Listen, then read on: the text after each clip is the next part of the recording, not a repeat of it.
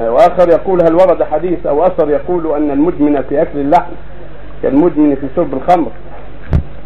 يروون على أثر بعض الصحابة انه أنه حذر من الاستمرار على أكل اللحوم وقال إن لها ضراوة مثل ضراوة الخمر يعني من اعتادها ما يخليه اللي يعتاد اللحوم يبتلى بالحرص عليها ولو تبين. فينبغي أن يكون تارة وتارة تارة يأكل لحم تارة لا يأكل لحم حتى لا يكون له ضراوة يعني حتى لا يعتادها فيشق على نفسه.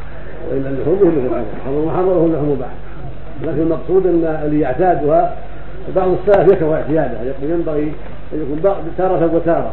حتى لا يعتادها فيشق عليه